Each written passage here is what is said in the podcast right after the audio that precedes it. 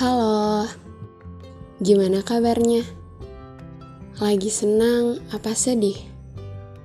Lagi ada masalah? Atau lagi baik-baik aja? Bagaimanapun kabarmu hari ini, semoga gak jauh dari kata tenang. Ya, semoga.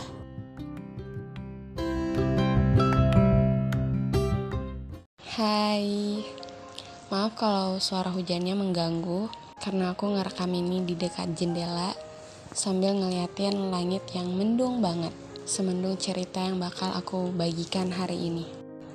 By the way, selamat menjalankan ibadah puasa buat teman-teman yang menjalankan. Hari ini aku mau bahas sesuatu yang beberapa waktu belakangan ini bisa dibilang jadi trending topik di circleku, yaitu soal garis waktu kedekatan tentang kebersamaan yang ternyata bisa selesai meskipun hubungannya udah lama. Sebenarnya aku udah mulai sadar hal ini tuh ketika mama papaku pisah. Di mana aku ditunjukin suatu kenyataan bahwa yang udah nikah puluhan tahun pun itu bisa pisah gitu. Ternyata emang ada masalah yang jalan keluarnya pisah. Dan kebetulan satu sahabatku baru aja putus dari pacar tujuh tahunnya. Itu bukan waktu yang singkat. Dan akhirnya aku mendengar alasan kenapa hubungan yang lama bisa selesai karena satu masalah. Masalah di sini tuh eh, sahabatku direndahin. Seakan udah gak punya harga diri lagi hanya karena salah paham. Gak hanya sih, masalah ini gak bisa dibilang hanya karena aku aja ikut sakit dengarnya. Jadi intinya dia direndahin gitu.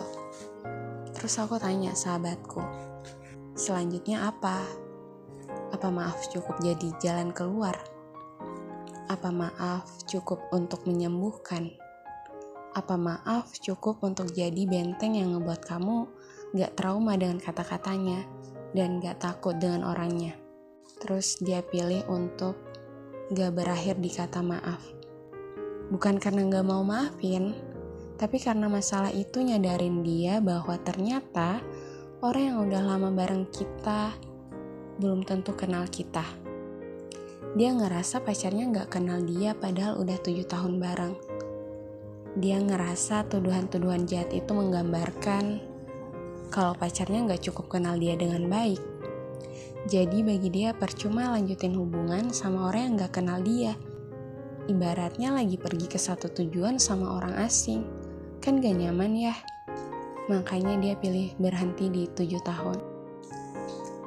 Dia bilang gak mudah untuk lupa, gak mudah untuk nerima orang baru lagi, gak mudah untuk move on, tapi satu-satunya pilihan yang menurut dia bisa menyelamatkan hatinya sendiri adalah dengan pergi, dengan gak ngelanjutin cerita itu lagi, dengan memilih untuk berhenti ngasih waktu buat seseorang yang enggan mengenal dia dengan baik. Dan ya, selalu ada cara yang bisa bikin tenang di antara banyak masalah yang datang, dan pergi bisa jadi salah satu caranya. Karena yang tahu batas kita memaklumi kejahatan seseorang itu diri kita yang tahu kita mampunya bertahan di suatu hubungan itu sampai mana ya diri kita. Yang benar-benar kenal kita ya diri kita sendiri. Jadi kalau dirasa melanjutkan hubungan bukan jadi pilihan yang aman, gak apa-apa. Pilih aja. Dan semoga kisah ini bisa makin nyadarin kita semua bahwa peran emosi itu emang jahat banget. Makanya untuk yang gak mau hubungannya berakhir, Jangan buat skenario jahat di kepala sendiri. Jangan jadi manusia jahat lah ya. Jangan biarkan diri kamu bersahabat dengan salah paham-salah paham yang negatif.